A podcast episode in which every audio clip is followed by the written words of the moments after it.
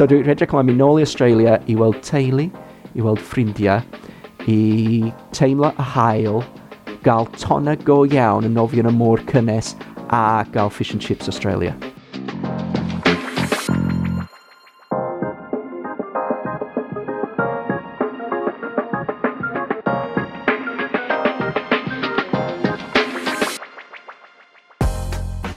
Helo a chroeso i hefyd, y podlediad am ddysgwyr Cymroeg gyda fi, Richard Nolsworthy. Bob mis dwi'n siarad gyda dysgwr gwahanol, er mwyn ffeindio allan am ei fywyd a pham a sut maen nhw'n dysgu'r iaith. Diolch i bob un ohonych chi sy'n gwrando, rhannu a chyfrannu. Cofiwch i dan ysgrifio trwy Spotify, Apple Podcasts neu eich hoff app er mwyn gwneud yn siŵr bod chi ddim yn colli penod. Y mis yma rydyn ni'n clywed stori siaradwr Cymraeg o Australia sy'n byw yng Ngogledd Cymru erbyn hyn. Mae Grant Paisley wedi cyfrannu'n fawr at gymunedau Cymreig, nid yn unig trwy ddysgu'r iaith, ond hefyd trwy brosiectau cymdeithasol ac amgylcheddol. Wel, hen y bryd, dwi'n edra, dwi wedi bod yn y swyddfa'n Cynarfon heddiw a wedi dod nôl i Llandwrog sy'n tua 5 milltir tu allan o Cynarfon ar y ffod i Pwllheli. A wrth ymyl y, y traeth, dyn y stynlla, a ddim yn bell o maes awr Cynarfon, rhaid gofyn mae hwn yn helpu pobl yn lleoli lle dwi. Dwi'n dwi gwybod wrth gwrs bod ti'n gweithio a byw yn ad ardal Cynarfon yng Ngwynedd erbyn hyn, ond efallai bydd y pobl sy'n gwrando yn clywed ychydig bach o acen wahanol gan bod ti'n dod o Australia yn reiddiol. Um, o ble yn Australia oes ti'n dod? Dwi, o, o Sydney dwi yn reiddiol. A dwi wedi gadael Sydney yn y 90au ac um, wedi byw dipyn bach yn de Australia yn cefn gwlad yn fanna um, cwpl o blwyddyn a wedyn o'n i yn Brisbane Um, agos ac at yeah, dwy flwydd yn hefyd, swn i deud, cyn dod nôl i Prydain ac i setlo yn Llandwrog yn diwedd 2001. Ac uh, yn y cyfams wedi cael dipach o hor amser yn byw yn Cynarfon a wedi treulio'r un blwydd yn ôl yn Australia teithio, teithio gwmpas yn 2005. Ond um, mae hwn wedi adr rwan, wrth gwrs, Llandwrog a, a cyffiniau Cynarfon ydy lle dwi'n galw edra. Lle braf iawn i fod. A pam uh, dechreuais ti ddysgu Cymraeg yn y lle gyntaf? Dwi'n deall bod ti wedi dechrau'r siwrne hynny yn Australia i hun. Ie, yeah, yeah. sy'n sy swnio od yndi, dwi wedi cychwyn dysgu Cymraeg yn Australia. Does gen i ddim um, cyswllt efo Cymru trwy teulu neu ddim byd fel na, ond dwi wedi cyfafod a rhywun o, o Cymru a, yn, yn Brisbane lle o'n i byw ar y pryd ac oedd hi yn siarad Cymraeg ac o'n i clywed hi yn siarad Cymraeg efo'r efo mam hi ar y ffôn a pethau fel yna ac um, yn meddwl fysa fo'n nais os dwi'n gallu siarad efo hi yn iaith hi yn lle mae hi'n gorau siarad i fi yn fy iaith fi o hyd. So just fel cyd digwyddiad Uh, oedd ni mewn rhyw goel rhywle yn Brisbane ac oedd y stondin gen yr Cymdeithas Cymraeg Brisbane yna. A dwi dechrau gael sgwrs efo rhywun ar y stondin ac oedd o'n dweud, o, oh, dwi'n dysgu cwbl o pobl Cymraeg hyn y bryd, a cwbl o'r Menceinion sy'n byw yn Brisbane efo diddordeb yn Cymraeg, sy'n swnio od yn ei hun. Ond os mae'n croeso chdi dod round yn penad rhywbryd, a nawn ni cychwyn y sgwrs e, e, yn y Cymraeg? o fan ymlaen. A, a dyna sut mae wedi gweithio i fi. Uh, so, cyn gadael Australia, o'n i gallu deud pethau fel uh, tisio penad y tost. a, a ddim lot mwy na hynny. Ond y munud oedd i'n cyrraedd yn Cymru, o'n i really wedi mynd amdani i dysgu Cymraeg. So o'n i cyrraedd yn mis Rhagfyr ac wedi wneud wythnos cyfar o dysgu Cymraeg yn y Prifysgol Bengor fel Ysgol Calan nôl yn 2002 oedd hynny. Felly, nes di ddechrau gwersi yn Australia, sut oedd hynny yn gweithio? Um, oedd e'n gwrs swyddogol neu, neu be? Na, ddim yn swyddogol o gwbl. Oeddwn ni'n mynd drawn Emrys Jones o Blena Ffestiniog oedd yn dysgu fi ac oedd o wedi bod yn byw yn uh, Papua New Guinea ac Australia am hir iawn Ac oedd ni'n mynd round i tŷ fo, ac oedd pawb yn ista y gwmpas o pedwar o ni, uh, Emrys, y cwpl o'r menceinion, a fina ac oedd ond just wneud pethau bach fel ti'n gael pen ti'n cychwyn unrhyw cwrs dysgu Cymraeg, ti'n sut dwi'n deud pwy ydw i a lle dwi'n dod, sut dwi'n deud yr amser, be di donod y wythnos, a, a pethau fel yna hollol enffurfiol. Ac oherwydd hynny, oedd yn rili really cyffwrddus hefyd. Sut oedd y ti'n teimlo i ddysgu Cymraeg pryd hynny? Oedd e'n profiad od? Oedd, oedd y iaith yn, yn anodd? Be, beth oedd y ti'n disgwyl o'r peth? No, cwestiwn da, Richard. Sut o'n i teimledig hynny? Wel, o'n i teimlo fel o'n i trio wneud y peth iawn, ond yn Australia oedd na ddim rhaid i fi dysgu Cymraeg, so oedd o ddim poes o ran y fi chwaith oedd rhywbeth nice i fi wneud i fy ceriad fi e, e, ar y pryd. Ac um, o'n i ddim yn teimlo poes yr og o bwl, oedd yn rhywbeth i wneud mwy cymdeithasol. Um, uh, uh, ac um, dyna pam o'n i'n mynd am, amdani. So oedd yn teimlo'n lot wahanol na pen o'n i dod i Cymru yn dechrau dysgu Cymraeg a wedyn o'n i teimlo pwysau. E, Bod, dwi wedi dod i gwlad arall yn siarad iaith arall. Um, Mae'n ma, ma rhaid i fi dysgu y iaith rwan. Oedd hwn yn profiad wahanol. Ie, yeah, ie. Yeah. So beth am i ni siarad ychydig bach am symud i Gymru? Pam nes ti symud yma yn, yn, yn, yn y lle gyntaf? a, a sut oedd y profiad o ran dysgu'r iaith? Yeah, Wel, dwi, dwi wedi dod nôl yma oherwydd uh, fy cariad. Oedd hi'n dod o famar ac um, oedd y visa hir Australia yn redeg allan ac oedd hi eisiau byw yn Cymru ac o'n i ddim quite uh, efo'r yr un teimladau dros Australia ac aros yna. Um, cyn cyfafod hi o'n i wedi byw yn Prydain am spel wedi, wedi bod yn Cymru o blaen um, cyn cyfafod hi. Uh, so o'n i'n hollol, hollol cyfforddus y syniad i, i symud i, i byw yn Cymru a weld sut oedd perthynas i fynd. O'n i um, disgybl prifysgol Queensland adeg hynny ac um, o'n i wedi gael rhyw exchange rhwng y prifysgol yn Australia ac prifysgol yn Nottingham. Ac um, o'n, i, o'n i dod nôl i, i byw yn Cynarfon ond teithio i Nottingham bob wythnos um, i gorffen fy cwrs. Ac, um, ac really just i weld lle oedd y perthynas ni yn fynd.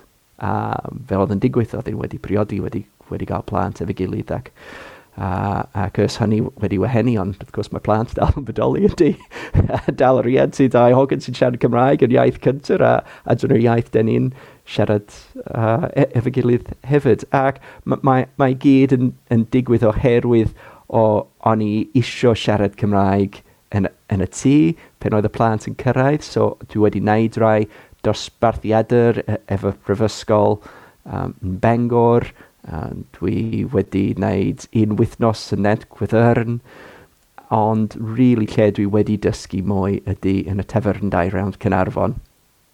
Ie, yeah, wrth gwrs, yn, yn, y, yn y gymuned fel bethau. Oedd y Gymraeg yn rhywbeth oedd y ti'n... Teen ymwybodol ohono fe pan oedd ti'n iau cyn, cyn, cyn i ti cwrdd â dy gariad? A na, oedd o ddim. Dwi'n cofio, mae, mae gen i rhyw cof, eitha cri o watcha chwaraeon ar y tyledu pen o'n ifanc a ddim yn siŵr rug, pa, pa ffodd o rugby oedd o'r league neu rugby union ond yn weld oedd Cymru yn chwarae ac ello oedd yn deud â Cris nhw neu ella roedd o'n deud ar y sgrin Cymru, a dwi'n cofio meddwl, o, be, be, be di y gair yna? Sut ti'n deud y gair yna? So, Dwi'n cofio hynny, uh, ond o'n i ddim really yn dall, ac o'n i byw yn Essex am spel y tro cyntaf o'n i dod i Cymru, a uh, dwi'n cofio pobl tynnu coes, a ti'n cael, o, gran, mae'n siarad iaith wahanol yn fanna, ti'n gwybod hynny, bydd ti'n sylwi pen ti'n croesi y ffin, bydd yr arwyddion i gyd mewn, mewn iaith wahanol ac o'n i ddim yn dallt. Um, dim ten o'n i'n mynd i St Fagans ar y taith yna a cyfafod rhywun oedd yn gweithio yna a gael sgwrs efo hi dros y iaith a, a, a pethau a, a wedyn, ti'n bod, o'n i'n dechrau dallt dipyn bach fwy. Ond oedd Cymru fel lot o pobl yn Australia sydd ddim efo cyswllt e, efo Prydain yn y teulu. So, mae Cymru a Lloegr a'r Alban a hyd yn oed y Werddon i gyd yn kind of un peth yn ei brain ni. Dim ten i dod drosodd i gael y profiad o byw yma ti'n dacro weld e, y wahaniaeth y dallt. Y wahaniaeth oedd neb yn dysgu ni'r hennes, wrth gwrs. Ie, yeah, ie. Yeah. Ond, um, wrth gwrs, wedi symud yma, a, a fel oedd ti'n sôn, oedd ti'n teithio i Nottingham i astudio, ond byw mewn cymuned Cymraeg i iaith dwi'n cymryd, sut oedd y profiad yna? Oedd ti'n gallu siarad Cymraeg erbyn hynny? na, on, o'n i ddim yn gallu siarad Cymraeg erbyn hynny. Um, ond o'n i teimlo ofnadwy e eog am y peth, a dwi'n cofio ista yn y tefan yr Englesy yn Cynarfon efo ffrindiau ac dia oedd neu deg o pobl ista around y bwrdd a pawb yn siarad. A sylwi, oedd pawb yn siarad Saesneg oherwydd o'n i yna ac yn teimlo rili ieiog am y peth yn bendant os o'n i ddim yn canolbwyntio. os o'n i'n meddwl rhywbeth arall a fan nhw'n siarad Saesneg. A rhan fi, so o'n i deud oedd, oedd pobl please paid a siarad Saesneg just oherwydd dwi yma. So mae'n emlwg os da chi isio fi yn dall, da chi'n siarad efo fi, fydd rhaid i chi newid drosodd i Saesneg, ond, ond dal yn siarad Cymraeg a ffordd yna bydd e'n dysgu hefyd. A, a, a dwi'n dwi credu yn cri dyna'r ffordd dwi wedi dysgu wrth gwrs dwi wedi dysgu dipyn bach trwy mynd trwy y cwrs wpan a pellach a, a trio darllen y llyfrau yna. Ond oedd hwn ddim y ffordd i fi dysgu o gwbl. Dwi, wedi dysgu trwy bod yn i fewn yn cymuned Cymraeg a clywed Cymraeg rawn fi a wedyn bod yn dibach o mimic, dwi'n credu, i, i, i sut dwi'n siarad. Dyna pam oedd yr acen i ddim yn mor cri pen dwi'n siarad Cymraeg na pen dwi'n siarad Saesneg uh, o'r herwydd dwi'n dwi meddwl dwi wedi dysgu siarad Cymraeg trwy copio be, be oedd pobl arall yn deud. A sut, sut mae'r profiad yna wedi bod? Dwi'n, wrth gwrs, ti wedi siarad yn y, yn y tafarn dau. Dwi'n cymryd bod y gymuned wedi bod yn gefnogol a uh, mae lot o bobl wedi dy helpu di o ran y, uh, y, y daith dysgu fel bethau. Ydyd, mae, mae pobl yn Cymru wedi rhoi croeso mawr i fi, a dwi'n meddwl mae'n rhoi croeso mawr i pawb sy'n dengos y diddordeb a parch dros y iaith a hennes a, a'r cymdeith, cymdeithas nhw hefyd. So, o, o, oedd y proses o dysgu yn gallu bod yn enodd oherwydd oedd y croeso mawr yna a pawb uh, isio gael sgwrs ac isio fi teimlo fel dwi'n ffitio i fewn. So oedd pobl yn newid i Saesneg mor sydyn. Yeah. Rydyn yn siarad fi. A dwi'n dal yn meddwl pobl rwan ar ôl 20 blynedd. Yn bydd o'n deud rhywbeth wrth fi yn Saesneg a dwi'n ymateb nhw yn Cymraeg a wedyn mae'n deud rhywbeth arall i fi yn Saesneg a dwi'n ateb nhw eto yn Cymraeg. a, a weithio dwi'n gorfod dweud, mae'n iawn, gei di siarad Cymraeg efo fi. Dwi'n iawn. A, a maen nhw'n dweud, o, oh, sori, dwi'n anghofio. Oherwydd mae'n ma sbyd dwi'n meddwl, o, oh, Grant Australia, a mae switch yn y pen nhw yn mynd i Saesneg. Yndi, a, a dwi'n siŵr mae'n digwydd i chdi hefyd, Richard, mae'n digwydd i fi weithio, mae, mae switch yn fy penni ar ochr rong, y iaith rong, a mae'n anodd i gael, gael y drosodd. Um, ond, ti'n bod, so oedd, oedd y croeso mawr yna, a wedyn, trw, o'n i teimlo fel oedd rhaid i fi deud wrth pobl, please, siarad Cymraeg efo fi. Wyt ti'n person sy'n hoffi ieitho, ieithoedd, neu, neu dim ond Cymraeg wyt ti wedi dysgu?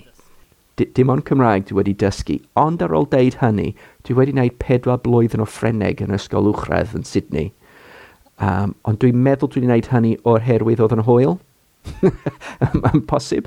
A dwi, dwi ddim wedi dysgu unrhyw iaith arall. Dwi ddim yn gallu siarad lot o Ffreneg o gwbl, so a couple o brawddegau yn unig, hyd yn oed ar ôl wneud pedwar blwyddyn.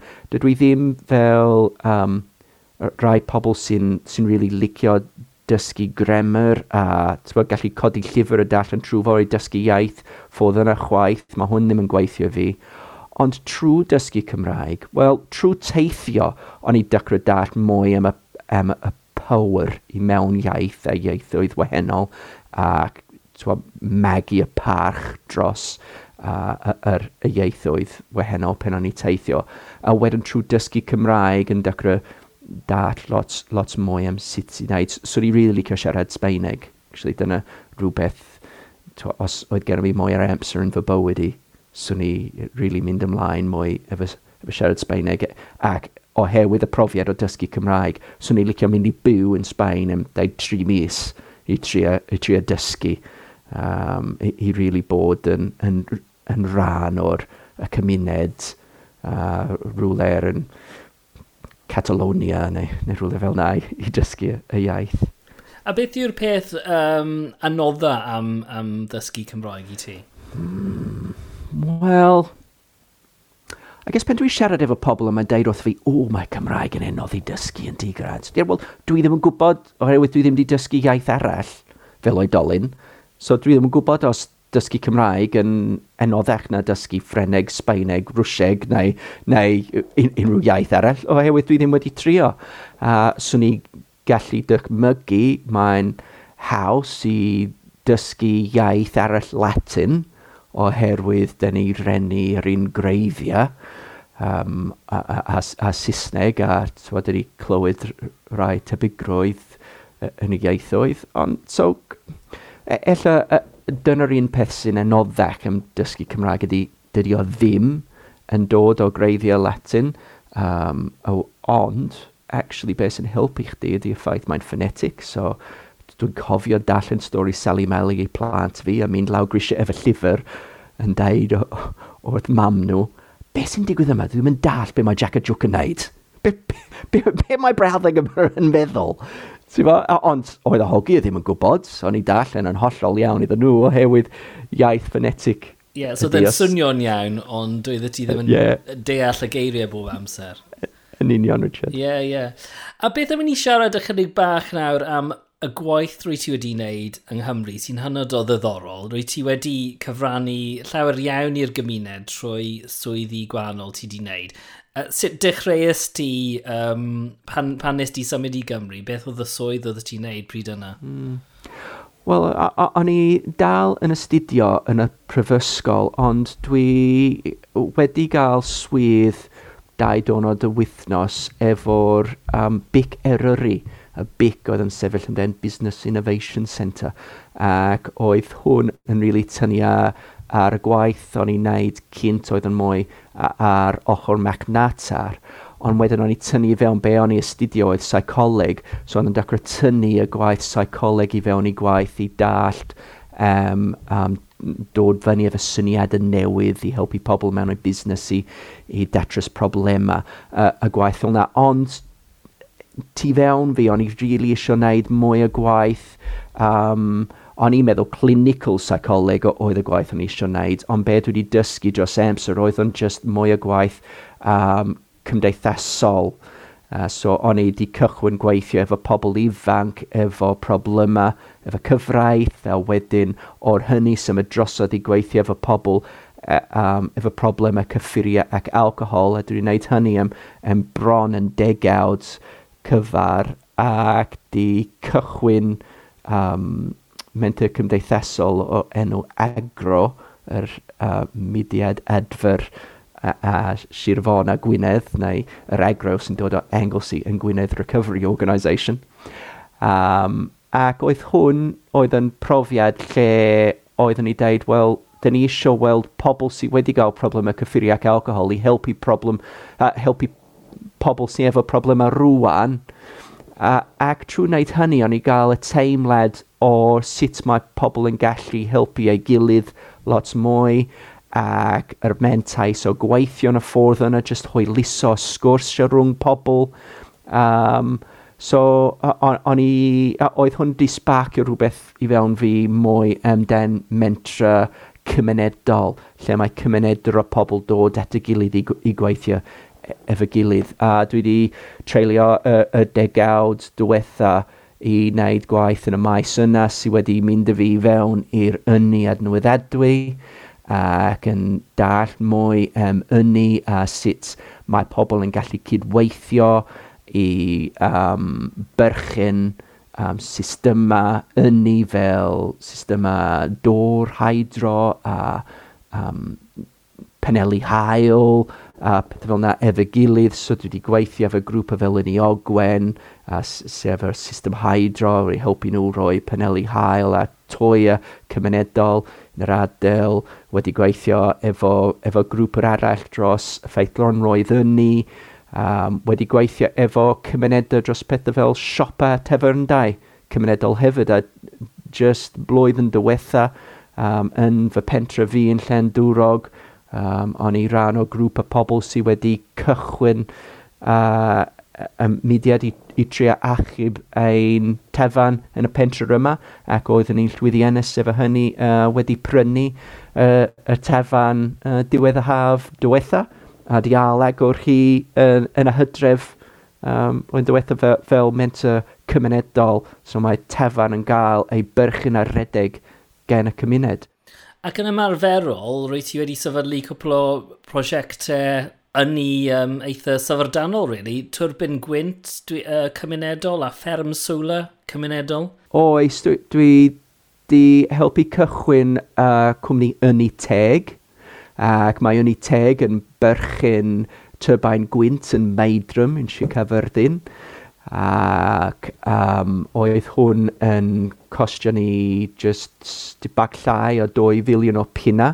Ac dyn ni wedi codi y pres na trwy pobl yn pobl cyffredin fel chdi a fi, Richard, yn rhoi dipyn o arian i fewn i berchen o, a rwan dyn ni'n rhoi um, llog i nôl i pobl a, ar eu pres mae wedi buddsoddi fewn y cwmni, ond hefyd maen nhw'n meddwl Um, maen nhw aelodr o cwmni a maen nhw'n gallu pleidleisio um, dros sut mae cwmni yn gael, gael ei redeg.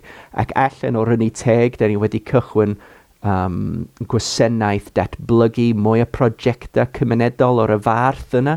Un o'r um, cwmnïau arall cydweithredol dwi wedi cychwyn ydy ynni newydd ac mae ynni newydd yn datblygu prosiect eithr yn farthol yn Sir Flint wrth y mil um, Breton Hall. Ac mae hwn mynd i fod yn 30 megawatts, so mae'n gallu um, cynhyrchu trydan i helpu rhyw 6,000 y tai neu, neu fwy na hynny. Um, ac unrhyw pryd mae'n cymryd dros cant acr o'r, or, or tir. Um, dim tir emaeth da, tir sy'n mynd den dor weithiau. Mae llyfogydd yn, yn dod i fewn, ond dyn ni gallu rhoi y solar panels a stilts, so dydy o ddim yn problem iddyn nhw. A wedyn trwy prosiect fel ma, dyn ni'n e, ennill um, pres yn dod nôl i fewn pen yn ni gwerthu y trydan, a mae pres yn rhan creu profit i ni, a mae profit na wedyn yn gael ail buddsoddi nôl i fewn i cymuned. So dwi ddim yn gael ei talu yn fy gwaith dwi'n neud yn ynni teg neu, neu ynni newydd, dwi'n gwerfyddoli um, fel cyfarwyddwr i cwmni yna, uh, oherwydd uh, fi ac y pobl eraill sy'n gwirfoddoli arno fo yn credu mae'n pwysig iawn dyn ni setio fyny mentra fel yma sy'n buddsoddi nôl i fewn ein cymuned. So yn yr adael Meidrwm lle mae turbain gwynt, dyn ni wedi gwario 10,000 o pina o'r ei profits ni uh, i adeiladu dosbarth tu allan yn, yn yr ysgol, felly mae'n gallu cael gweithgareddau tu allan yn yr ysgol yn lle gorau bod tu fewn. Dyn ni wedi helpu al wneud um, tryd, trydan y system gres yn y neuedd y pentra, dyn wedi helpu al gosod uh, a tecluso llwybrau cyhoeddus yn yr adael. Dyn wedi rhoi arian at uh, a um, food bank hefyd, y, y bank bwyd uh, yn yr adael yna.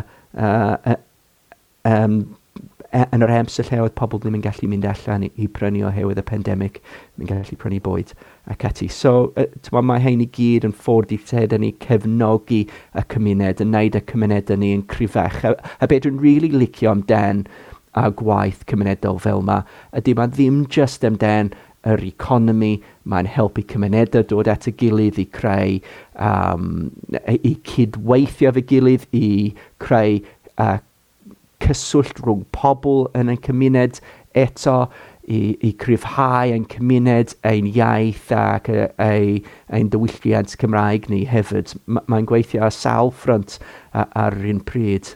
Ie, yeah, wel mae ma hynny yn, yn, yn waith uh, gwych iawn, uh, Grant. Uh, o'n i'n mynd i ofyn, um, wrth, wrth gwrs mae'r Gymraeg um, yn bwysig i ti, mae cymuned yn bwysig i ti. Uh, ydy'r Gymraeg wedi bod yn bwysig o ran uh, gwneud y gwaith yna.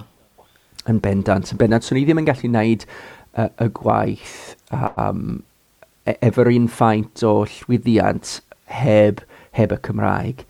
Um, oedd yn cymryd hir i fi teimlo digon hyderus i siarad Cymraeg yn, yn, yn gwaith. O'n i siarad Cymraeg adra, efo'r plant, pen o'n nhw'n yn, yn, pen oedd yn magu nhw ac oedden nhw'n tua saith na oedd pen o'n i'n cychwyn defnyddio Cymraeg dibag mwy yn, yn gwaith ac o'n i gael comisiwn i wneud gwaith efo Cyngor Gwynedd. Ond dwi'n cofio fo mor clir i mynd i un o cyfar, um, stafell cyfarfodydd fawr yn, yn y cyngor efo, efo bod hir. Tua oh, dozen o pobl yn eistedd round y bwrdd ac pawb yn siarad Cymraeg, ac yn y cornel oedd yn bwth i, i cyfieithu ddi ista, ac o'n i sbio yna, efo fy bysydd di croesi, please, cyfieithu, troi fyny, please, troi fyny. A na, oedd o ddim wedi trefnu cyfieithydd, oherwydd oedd oedd y pobl sy'n gofyn fi dod, oedd yn nebod fi tu allan o gwaith, so yn nebod o'n i siarad Cymraeg, so just ddim di meddwl amdano fo. A dwi'n cofio eistedd yna a meddwl, right, well, dyma fo. dwi'n dwi fel rwan, dwi'n mynd i siarad Cymraeg yn gwaith. Ac uh, o'n i uh, wneud y prosiect yma am tu tua dau blwyddyn ac y dau blwyddyn o gweithio efo pobl yn Cyngor Gwynedd a, a oedd yn addysgol iawn i fi. Oedd rhaid i fi dysgu iaith lot wahanol na iaith sy'n gael ei defnyddio yn, yn y cymuned. Um, ac oedd gen i fi system yn fy ped cymryd nodau lle o'n i roi a llinell lawr un ochr a pen mae cyfafod mynd ymlaen jyst sgwennu geiriau i lawr a ni ddim yn gwybod be oedd nhw ac oedd nhw'n llwyth nhw a wedyn ar ôl y cyfarfod i, i mynd af app geiriau diron neu, neu rhywbeth fel da i sbio nhw a ah, reit dyna beth i y infrastructure o'r oce okay. a, a, a geiriau um, fel na ac oedd rhaid i fi dysgu i deud wrth pobl hefyd. Paid o bod yn swil yn deud, sori, dydw i ddim yn dallt. Ie, yeah, ond on gyda lot o pobl ti'n siarad gyda nhw trwy'r gwaith, dwi'n dwi, dwi siŵr bod defnyddio'r Gymraeg yn gwneud gwahaniaeth. Yndi, yndi. Richard, pe, pen dwi'n mynd i cymuned ac um, deud llenberus, na jyst dewis un, a mynd i fewn Llanberis. A y ffaith dwi'n gallu mynd i'r cyfarfod nhw yn siarad Cymraeg efo pobl yn neud pobl yn teimlo lot mwy cyfforddus yn y cyfarfod.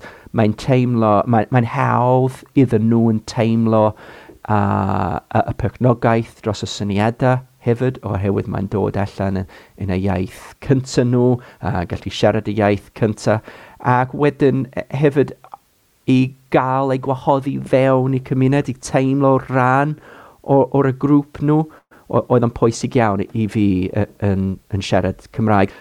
Mae yna quote arbennig o dda gen Nelson Mandela lle mae'n deud, os ti'n siarad i dyn mewn iaith mae'n dall, mae'n mynd i penno. Os ti'n siarad efo fo yn ei mam iaith, mae'n mynd at ei galon. A mae hwn di aros efo fi e, e, dros y 20 blynedd o bod yn Cymru fel reswm i, i dysgu y iaith. Oherwydd pryd dwi'n siarad efo pobl, dwi eisiau bod yn siŵr, dwi'n siarad efo nhw i gyd a, ac, ac ar yr un lefel a, ar nhw. Ac yr unig ffordd i wneud hynny di, di trwy Cymraeg. Ac fe, fel oedd ti'n ti dweud, fysa fy gwaith i ddim yn posib heb, heb gallu defnyddio Cymraeg. A be mae'r, um, beth am dyfodol te, Grant, ti di llwyddo wneud cymaint o bethau yn barod yn yn dy gymuned o ran y, y iaith, o ran um, y cynydwyiedd, o ran yni, cymuned ac ati. Oes uh, unrhyw um, uchelgeisiau uh, gyda chi am, am y dyfodol? Wel, dwi wedi deud wrth fi fy hun tua blwyddyn yn ôl, o'n i eisiau gwneud gwaith agosach at edra. So, y prif cwmni wneud gwaith trwodd datblygiad egni gwledig, neu deg, o'n i teimlo fel dyn ni'n efo swyddfa yn Cynarfon, ond dyn ni ddim yn gwneud lot o gwaith yn, yn Cynarfon, efo'r cymuned Cynarfon ei hyd. So o'n i eisiau cychwyn wneud gwaith yn Cynarfon.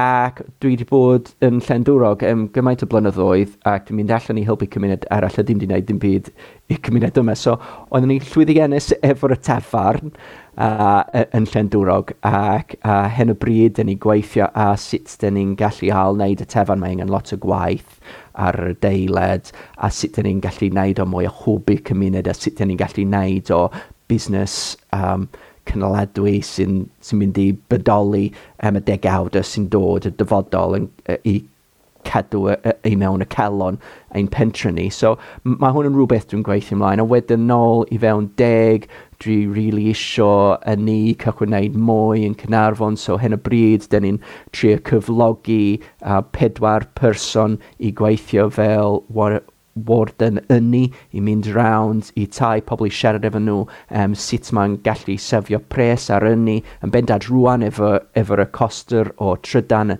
yn cynnyddu gymaint.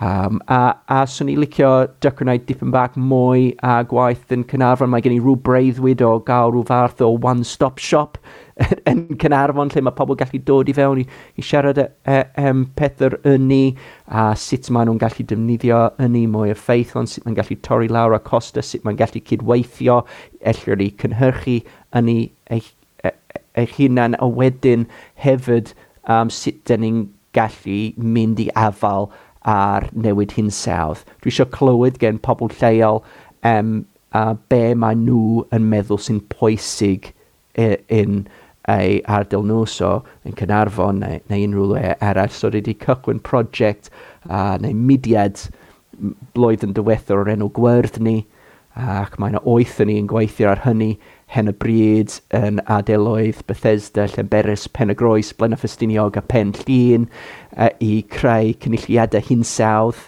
ac yn y cynulliadau mae'n cyflwy pobl siarad amdan be sy'n pwysig iddyn nhw yn yr adael nhw a be fasyn nhw'n licio weld yn digwydd o ran uh, uh, newid hinsawdd.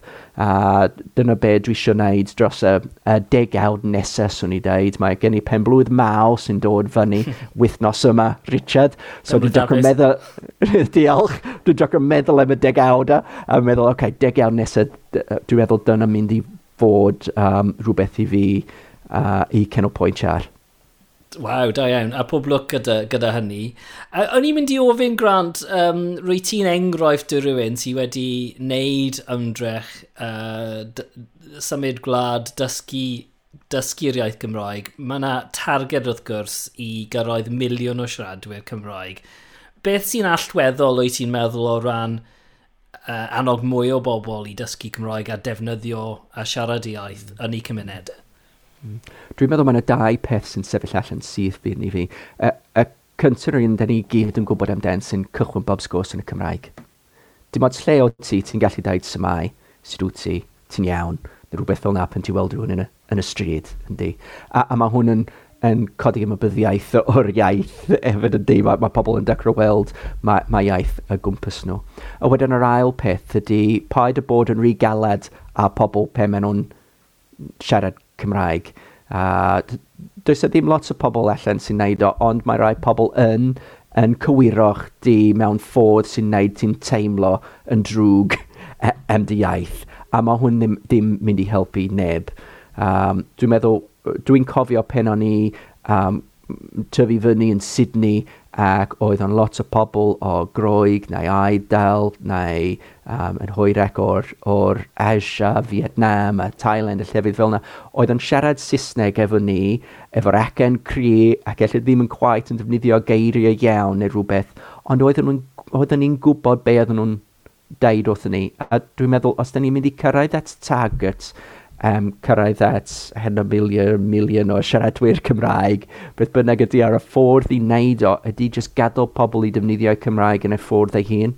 Y gadael pobl i wneud o efo'r aceni nhw, mae hwn yn jyst adio rhyw spais ychwanegol i iaith hefyd. Ac os maen nhw'n deud rhywbeth ynghywir, wel mae'n iawn os ti'n dall nhw. Mae'n iawn, O pen ti'n nabod nhw digon da, gei di cywiro nhw mewn ffordd lot nice ac na, na sut mae rhai pobl yn wneud. Ie, yeah, wel dwi wedi cael y profiad yna uh, trwy dys dysgu Ffrangeg, a dweud y gwir. Dwi'n gwybod pa mor bwysig yw e i deimlo bod, bod chi'n cael eich deall, ond dy fe, um, yn hytrach na po pob dim yn cael ei gywiro. So, ie, uh, yeah, dwi'n dwi dwi, dwi uh, cytuno yn llwyr. Ac. Richard, dwi dal ar, ar ôl 20 blynedd o byw yn Cymru, dwi dal ddim yn dall treigladau. E. Mae'n dod allan y tirio weith, dwi'n meddwl, o, dwi wedi treiglad yna. O, diddorol, pam dwi'n neud hynny? ddim syniad, ond dwi wedi wneud o. oh, well, um, ar, ar, ar y podlediad yma, dyn ni ddim yn poeni gormod am, uh, am dreigladau. Dyn ni'n uh, canolbwyntio ar y sgwrs a twod, mae ma pobl eraill yn gallu poeni am, am hynny. Um, ond yn ola, o'n i'n mynd i ofyn Grant, uh, ti di setlo yma nawr, wrth gwrs, uh, yng Nghymru, ond um, wyt ti'n mynd yn ôl? A sut, sut mae pobl yn Australia yn, yn meddwl am, am, uh, am, am dyfywyd di y dysgu Cymraeg? Dwi'n cymryd bod hynny wedi bod yn anodd dros cyfnod y pandemig i, i, i weld uh, teulu teiriau gadi. Wel, do, Richard, mae wedi bod yn henodd o'r herwydd dwi wedi deud erioed paid y poeni dwi dim ond 48 awr i ffwrdd. Os mae rhywbeth yn digwydd a bydd rhaid i fi dod nôl edrych, mae rhywun yn sal neu unrhyw beth fel na, wel, dwi'n gallu bwcio flight, 24 awr yn y flight bydd yna efo chi, ond mae hwn i gyd di newid efo'r pandemig ac ar ddim yn gallu uh, teithio nôl. So mae hwn wedi bod yn enodd, dyn ni yn mynd nôl, yn y haf yma, um, gobeithio. A dyn ni wedi bwcio tocynnau i fynd, so gobeithio byddwn ni'n gallu mynd. Ond trwy iddyn nhw yn dallt Cymraeg, oedd o'n cymryd dipach o'r amser, iddyn nhw yn, yn really dallt y syniad yn pam swn i eisiau siarad Cymraeg. Um, Fysyn nhw'n deud wrth fi, ond mae pawb yn, yn Cymru yn, yn siarad Saesneg anyway, so pam ti angen siarad Cymraeg? Um, ac oedd yn cymryd hi, oedd e ddim yn dall pam oeddwn ni ddim yn dysgu Saesneg i plant ni. Um, oedd ni'n dweud, wel, does e ddim angen i dysgu Saesneg. Bydd nhw'n dysgu Saesneg. pe, pe mae'n hemsrw'n dod around, wrth gwrs mae wedi digwydd yn hollol naturiol iddyn nhw, yn lle, yn lle ni'n yn trio wneud, wneud adre he, hefyd. Ac mae mae plant yn ffantastig a mae'n hynna fi sy'n Uh, mi wedi bod yn 17 yn mis Medi, mae o wedi cael ei penblwydd cyntaf yn Australia, a pedwerydd, penblwydd pedwerydd yn Australia hefyd, ac tywod yn, ped, yn ei penblwydd pedwar oed oedd o'n gallu siarad digon y Saesneg e, efo, efo pobl yna, ond den ni dal yn siarad Cymraeg efo gilydd um, pen ydy yna, a mae hwn weithio'n rhaid gael looks odd gyda teulu. Pa, pam da chi'n siarad Cymraeg rwan? Da, da chi'n Australia rwan? Da chi'n siarad Saesneg yma? Dweud, ie, yeah, o'n i ddim yn gallu sbi at nhw yn siarad Saesneg. Mae jyst ddim yn gweithio fel na. I mean, dwi'n sbi at, at rwy'n, dwi'n siarad Cymraeg efo. Mae switch yn flicio yn fy benni a dwi'n dacro siarad Cymraeg heb meddwl amdano fo. Wyt ti'n colli bod yn Australia, uh, byw yn Australia, neu wyt ti'n digon hapus yng Nghymru? O, dwi'n digon hapus yn Cymru, um, ond dwi'n methu weld teulu, ffrindiau, ac just y, y, y teimlad o'r o'r familiarity uh, e e efo pethau yn, yn Australia. Um, ond mae'n mae mynd yn llai a llai fel na bob blwyddyn oherwydd dwi bron iawn wedi byw yn Cymru mwy na unrhyw le arall yn y byd. Dwi wedi gadael Australia pen o'n i 21 oed, wedi mynd nôl ac ymlaen dipyn bach yn, yn fy 20au. Um, so mae'n mynd yn agos iawn rwan uh, os dwi wedi byw yn Australia neu Prydain um, fwyaf Mm. Um, be, be sy'n enodd ydy weld um, pobl yn mynd yn hun yn Australia fel fy mami neu rhywbeth fel na meddwl am um, bod, pe mae hi angen cyfnogaeth um, i byw yn enabynol a dim ond fy chwaer sy'n byw wrth y mil hi. Mae gen i brawd a chwaer. Mae brawd yn byw yn Tasmania. Mae chwaer y mam yn byw yn Brisbane. Um, mae'n lot o'r um, lot o kilometres rwngth nhw mm. yna, a ddim quite gymaint o fi, ond a mae lot yna. So mae hwn yn mynd yn, yn, yn oddech, ac bod, fy hogi ydi bod yn deud wrth y fi, o, oh, really sy'n mynd i weld y teulu, dad, really sy'n mynd i weld y teulu yn Australia, Gael ni please mynd blwyddyn yma. Mm. Um, so dyna pan dyn ni'n mynd yn, yn be fydd geia iddyn nhw, Cos dyna'r peth arall dwi'n methu, Richard. Rhaid fi bod yn hollol honest. Tywydd. Ydy y cynnesroedd. Ie, yeah, tywydd. Dwi'n dwi wrth y modd teimlo y hael cynnes arna fi. Mae'n teimlo fel mae gael fy gwaed yn pympio dipyn bag fwy a dwi'n licio nofio yn y môr ond dwi'n ffainio fe rili really anodd i wneud yn Cymru oherwydd mae môr yn rhy oer i fi hyd yn oed efo wetsuit a dwi'n newydd di cychwyn, dwi'n cychwyn blwyddyn diwethaf dwi'n nofio tai o waith yn y môr a mae hwn dim mwy dwi wedi wneud erioed. uh, so dwi'n edrych yma mynd nôl i Australia i weld teulu, i weld ffrindiau i teimlo y hael, gael tonna go iawn yn nofio yn y môr cynnes a gael Fish and Chips Australia. Mae, mae siop Fish and Chips yn Australia yn dipyn bach fel mynd i fewn siop butchers y cigydd yn Cymru. Ti cerdded i fewn a bob math o bwyd y môr tu ôl uh, y gwydir ymlaen ti ac di gallu pwyntio allan pa un ti isio a sut ti isio fo gael ei coginio? Ti isio fo battered neu crumbed neu, neu grilled ti fo beth fel na. Lle yn Cymru ti'n mynd i fewn fel af mae, mae dewis ydi cod neu heddyg ni uh, uh, so dwi'n dwi, dwi really licio mynd nôl i Australia a, a bit o gomod o fish and chips. Oh, wel, pob hwyl, dwi'n siŵr bydd y, y daith yna yn, ar un arbennig iawn ar ôl cymaint o amser, so uh, pob hwyl yn, yn y haf a pob lwc gyda popeth ti'n cynllunio wneud a pen blwydd hapus hefyd. a diolch yn fawr am siarad gyda fi heddiw. O, Richard, diolch yn fawr iawn am y gwahoddiad a'r sgwrs lyflu hefyd a, ac y dymuniad y gorau. Mae'n mynd i bod bod yn greit uh, i mi nôl i Australia, ond on be gobeithio sy'n dod allan o, o podled fel yma, ydy pobl yn teimlo fel maen nhw'n gallu mynd ymlaen i dysgu Cymraeg, a defnyddio Cymraeg fwy ar ac uh, teimlo digon hyder i, i mynd allan hyn yma i tefan neu rhywle a just dweud, right, hyn yma dwi'n mynd i wneud o gyr yn Cymraeg. Diolch, Grant. Nawr, hwyl fawr i ti, Richard. Wel, diolch o galon i Grant am y sgwrs. Gallwch chi ffeindio mwy o wybodaeth amdano fe a'r pethau drafodwn ni ar fy ngwefan ni. Dilynwch y link yn nodiadau'r penod yma. A byddwn ni wrth fy modd clywed eich sylwadau a syniadau am y podlediad. Chwiliwch am podlediad hefyd ar Twitter.